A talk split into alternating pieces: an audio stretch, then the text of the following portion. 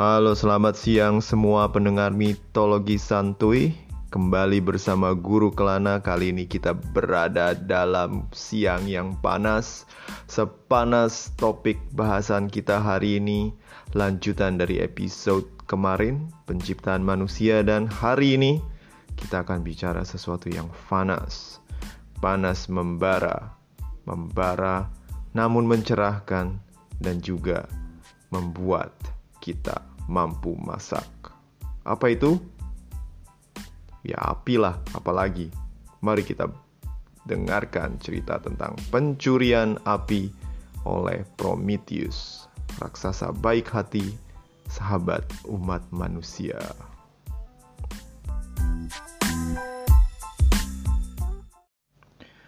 So belakangan ini um, ponakan gua dapat binatang peliharaan baru, yaitu sekelompok ikan-ikan kecil yang ditaruh di akuarium mini dan setiap hari kerjaannya sekarang cuma ngeliatin itu ikan, ngajakin ngobrol dan kadang-kadang dia nyerokin itu ikan, mindain dari satu toples ke toples lain.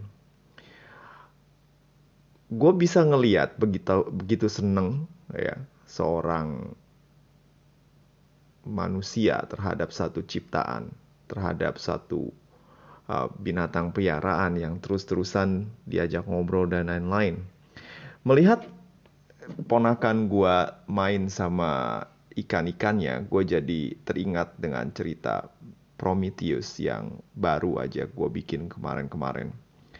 So, Prometheus dan Zeus bekerja sama, berkolaborasi dengan Athena dan juga um, dengan bahan yang diberikan oleh alam, yaitu tanah liat Mesopotamia yang merupakan hasil dari Gaia dan juga sinar matahari dari Apollo berhasil menciptakan manusia.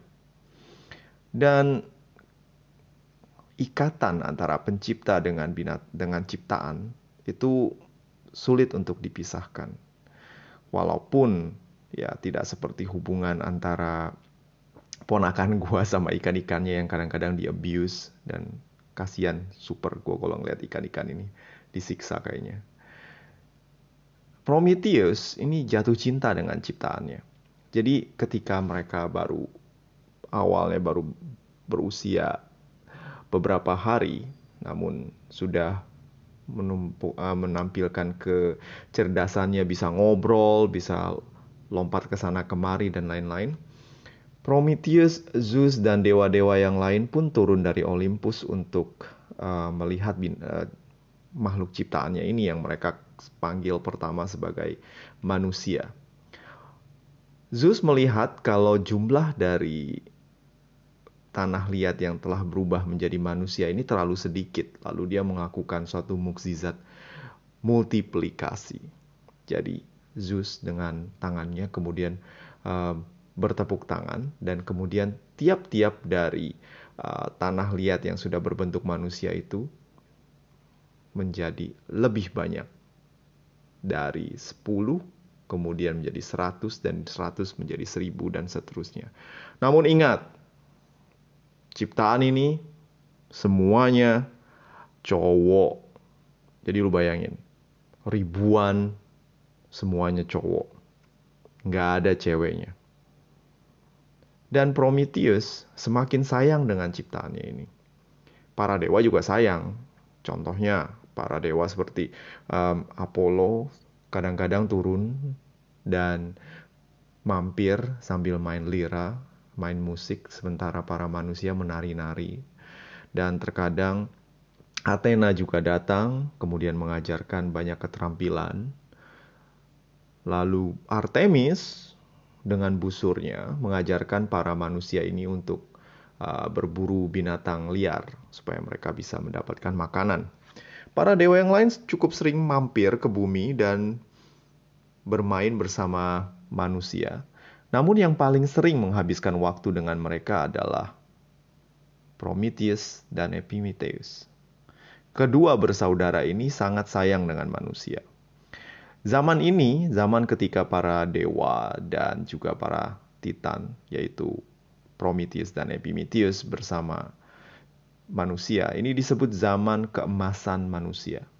zaman di mana para dewa masih bergaul mesra dengan manusia dan belum ada yang namanya penyakit, belum ada yang namanya iri, dengki, dosa dan hal-hal yang negatif dalam uh, kehidupan mereka. Namun uh, situasi yang begitu uh, damai dan menyenangkan ini nggak bikin um, Prometheus itu puas karena menurut Prometheus sepertinya ada sesuatu yang kurang ada sesuatu yang kurang menantang, walaupun semuanya itu baik, tapi sepertinya ada sesuatu yang kurang. Prometheus berpikir binatang, oh, makhluk, sorry, kok ngomong binatang dulu. Makhluk ciptaannya ini harus bisa berjuang, harus bisa bertahan dan memiliki kemampuan seperti para dewa. Lalu, benaknya yang selalu selangkah lebih maju daripada para dewa sekalipun. Itulah asal mula kata Prometheus yang artinya berpikir ke depan. Prometheus berpikir, satu-satunya solusi agar manusia ini bisa survive dan juga bisa memiliki kemampuan untuk setara dengan para dewa. Bisa mencipta, bisa melindungi diri, bisa berkreasi adalah api. Api, suatu benda suci yang hanya dimiliki oleh para dewa, disimpan di perapian Hephaestus yang menggunakannya untuk mengolah logam sehingga bisa membuat senjata para dewa. Ini terletak di Gunung Olympus. Dan Gunung Olympus ini terkenal merupakan tempat dari para dewa bersemayam. Gunung suci yang sampai sekarang masih ada di Yunani dan gunung ini memiliki puncak teratas yang namanya itu Mythikos. Dan puncak ini sangat terjal dan sangat berbahaya untuk dipanjat. Prometheus menunggu sampai senja tiba. Ketika Apollo sudah mulai uh, kembali ke ufuk barat dengan keretanya. So, orang Yunani percaya kalau matahari itu merupakan kereta kuda yang ditunggangi oleh entah Helios atau Apollo. Dan mereka selalu berangkat dari timur, dari arah timur dan kemudian dari barat. Jadi setiap hari Apollo tuh kerjaannya cuma naik kuda dari timur dan sampai ke barat udah tuh selesai.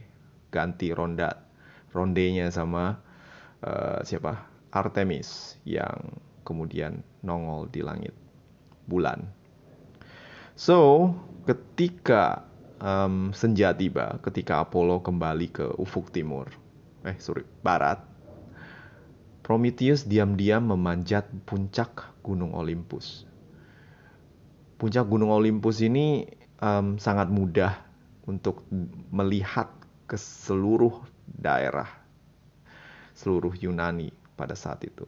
So, yang dilakukan oleh Prometheus ini adalah perbuatan yang sangat berbahaya. Makanya dia menunggu uh, sampai matahari terbenam agar tidak kelihatan oleh Zeus dan para dewa lain.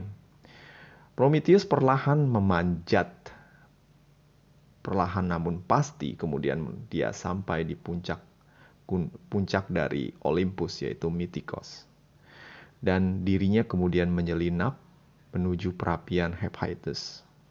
So, perapian Hephaestus ini memiliki api yang selalu menyala karena kondisinya yang selalu panas. Di perapian ini tinggal tiga orang Cyclops yang dulu pernah membantu Zeus dalam, peperang, dalam perangnya melawan para Titan. Ketiga Cyclops ini merupakan uh, makhluk yang mengerikan jadi matanya satu, badannya kekar, dan mereka sangat pandai untuk mengolah senjata. Makanya mereka kerjasama di bengkel Hephaestus. Jadi Hephaestus itu kayak mandornya lah. Dan tiga orang ini, tiga Cyclops ini karyawannya. Kebetulan karena sudah malam tiba, uh, para Cyclops ini tertidur. Prometheus berusaha mencari mencari cara untuk membawa api itu turun ke bumi dan memberikan kepada manusia. So yang dia lakukan adalah mencari kira-kira pakai apa ya bawanya. Prometheus kemudian melihat satu tanaman, tanaman adas atau dalam bahasa Inggris kita kenalnya fennel dan dia mengambil batangnya. Dengan batangnya dia menjulurkan batangnya tersebut ke perapian Hephaestus tanpa diketahui oleh Cyclops yang saat itu sedang ngorok tertidur. Mungkin kecapean karena disuruh bikin uh, senjata oleh Zeus. So, dengan api yang sudah menyala di um, batang dari adas tersebut, Prometheus kemudian menaruhnya ke dalam dadanya, membekapnya. Prometheus yang kesakitan karena api itu mulai menggigit atau membakar kulit dadanya atau rambut dadanya yang lebat itu kebakar. Au, au, au, au, au. Aduh, perih. Namun karena cintanya kepada umat manusia, dia terus menahan. Perlahan, Prometheus turun, menuruni puncak Mitikos. Dan karena takut apinya padam ditaruh di dada, Prometheus menggigit menggigit batang adas tersebut dan ala Rambo yang biasa gigit pisau itu dia menuruni puncak gunung Mitikos sampai ke dasarnya. Ketika sampai di desa pemukiman para manusia, Prometheus datang dan meminta para manusia untuk berkumpul. Dan Prometheus kemudian menunjukkan benda yang masih asing untuk manusia ini. Jadi manusia ini tidak tahu api itu apa. Dia kemudian mengeluarkan suatu lidah api yang bergoyang-goyang joget ala dangdut dan menaruhnya di tengah-tengah. Manusia yang penasaran kemudian berusaha uh, menyentuh api tersebut, namun tangannya terluka dan salah satu dari manusia itu ketakutan dan yang lain pun menyusul, lari dan kemudian Prometheus yang sadar kalau dirinya terlalu cepat memperkenalkan, kemudian memanggil semua manusia itu datang. Hei, hei, hei, sini, sini, sini, jangan takut, jangan takut. Gini, gini, gini, ini. Bukan untuk disentuh, teman-teman. Begini loh, ini api banyak fungsinya. Api ini bisa dipakai buat masak, terus juga kalau uh, itu tuh, tuh ada tanah liat kan. Nah, kalau tanah liatnya dicampur sama air, nanti kamu bisa bikin kendi, kamu bisa bikin piring, bisa bikin banyak hal, kamu bisa bikin juga uh, binatang-binatangan. Lalu uh, api ini juga bisa buat nakut-nakutin binatang nih. Misalnya kan kalau kemarin kamu ketemu dinosaurus tuh takut tuh kamu pakai api aja dia pasti kabur tuh oke okay? Uh, fungsi lainnya. Hmm, banyak deh. Gini deh uh, nanti mulai besok uh, kamu semua datang ke sini aku ajarin oke? Okay? nanti aku ajarin. Tapi yang paling penting bentar nih. Jadi tadi gue turun dari gunung Olympus Om Prometheus ini ketemu banyak makanan nih. Nah ini ada kambing. Nih lihat ya. Prometheus selalu mematahkan leher kambing tersebut, mengoyakkan kulitnya, dan lahirlah masakan pertama dalam peradaban manusia, kambing guling. Dan kambing tersebut dibakar di atas perapian yang telah disiapkan oleh Prometheus.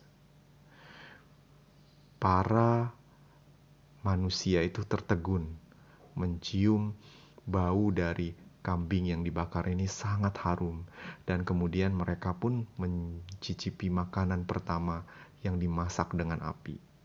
Manusia berpesta, senang kalau mereka memiliki suatu hal yang baru yang luar biasa. Sesuatu yang tidak pernah dibayangkan sebelumnya. Mereka tidak tahu kalau fungsi dari api ini sungguh luar biasa.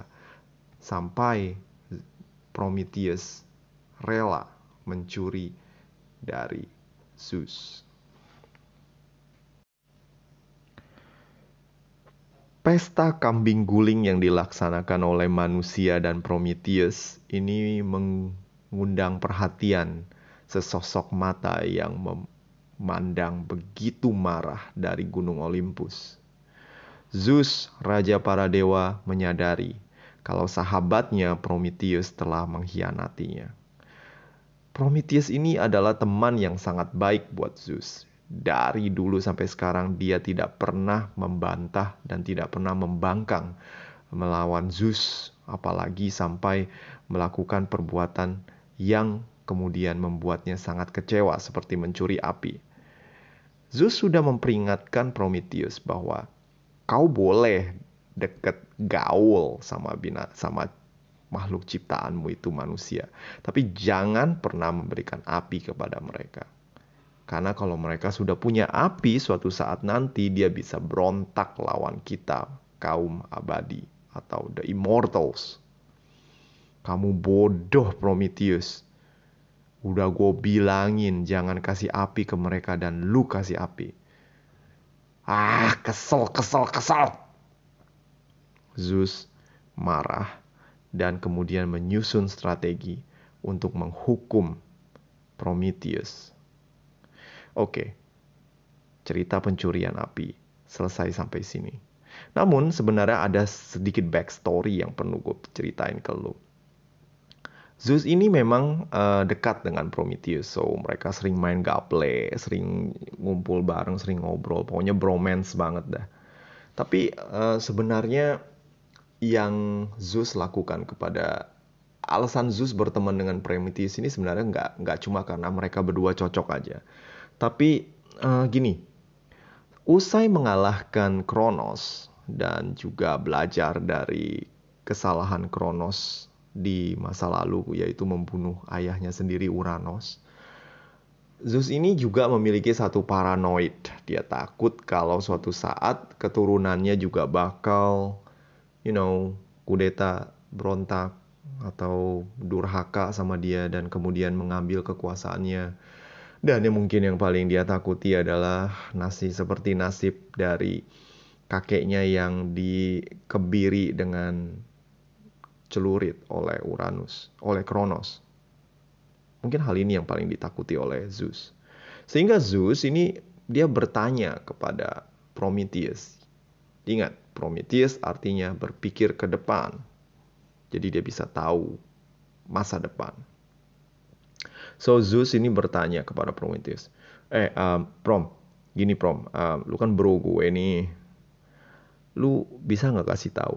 Gue sih, gue gua gua rada parno nih bro. Soalnya gue takut kalau misalnya satu saat keturunan gue bakal kudeta sama gue. Prometheus yang udah tahu maksud dari Zeus ini. Terus kenapa? Ya namanya juga raja dewa. Lu dulu lu gantiin bokap lu, bokap lu dulu gantiin kakek lu. Suatu saat lu juga bakal ganti. Es, jangan gitu. Gue masih betah jadi jadi raja dan gue menurut gue yang paling cocok jadi raja para dewa itu gue. Gue nggak kayak Uranus yang tiran. Gue nggak kayak Kronos yang tukang makan anak Oke, gue rada-rada, ya well, gue suka godain cewek, tapi tenang. Tapi lihat, gue tuh orangnya adil. Gini, satu hal yang pengen gue minta sama lu. Bisa nggak lu kasih tahu gue cewek mana yang gue nggak boleh deketin biar gue nggak dapat keturunan yang you know mampu ngalahin gue. Prometheus kemudian berpikir, hmm, kalau gue kasih tahu nanti dia nggak bakal temenan sama gue lagi. Kalau gue nggak kasih tahu nanti dia ngambek. Kasih tahu nggak ya? Prometheus mengambil langkah bijak karena dia berpikir jauh ke depan dan dia memutuskan untuk tidak memberitahu Zeus. Zeus yang kesel karena pertanyaannya tidak dijawab lalu menyimpan satu kekesalan dalam hatinya. Namun dia tidak karena memang Prometheus saja yang tahu identitas wanita tersebut. Zeus tidak memaksa dan berharap suatu saat nanti akan diberitahu. Namun karena perkara ini ditambah dengan pencurian api dari Olympus, Zeus mulai menghilang rasa persaudaraannya dengan Prometheus dan pengen menghukum Prometheus. Zeus menyimpan suatu rencana yang kemudian akan berakibat fatal bagi Prometheus. Oke, gue yakin banget sebagian besar dari kalian itu bertanya-tanya. Kalau Prometheus itu bisa berpikir jauh ke depan, kenapa dia nggak, you know, ngajarin manusia bikin api aja sendiri dari you know batu kayak digesek terus keluar percikan lalu dibakar ke jerami yang kering. Kan bisa keluar api. Kenapa dia mesti repot-repot pergi ke Olympus manjat gunung Olympus yang terjal itu terus juga bikin Zeus marah karena dia nyolong dari sana? Kan bisa bikin sendiri. Well um, sebenarnya seperti cerita mitologi Yunani lainnya banyak sekali uh, perumpamaan yang digunakan. Sebenarnya pencurian api ini itu bukan sembarang api, tapi api yang sifatnya itu adalah pengetahuan. Jadi sebenarnya Prometheus ini mengambil suatu pengetahuan ilahi dari dari para dewa dan diberikan dan dibagikan ke manusia dalam bentuk pengolahan logam, dalam cara mempertahankan diri dan juga hal-hal lain yang memang merupakan hal esensial bagi manusia supaya dia bisa bertahan hidup.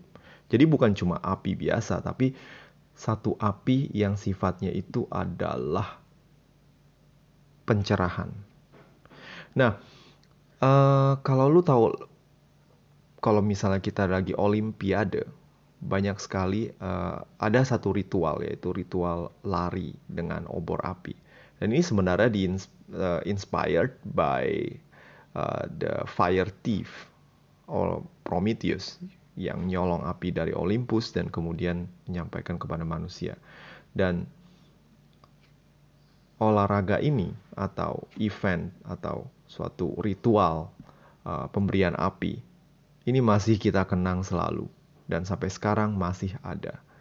Entah itu di ASEAN atau mungkin di eh, Asian Games atau di Olimp Olimpik kita Olimpiade ya kita masih melaksanakan uh, ritual pembagian api ini atau you know toss around the fire.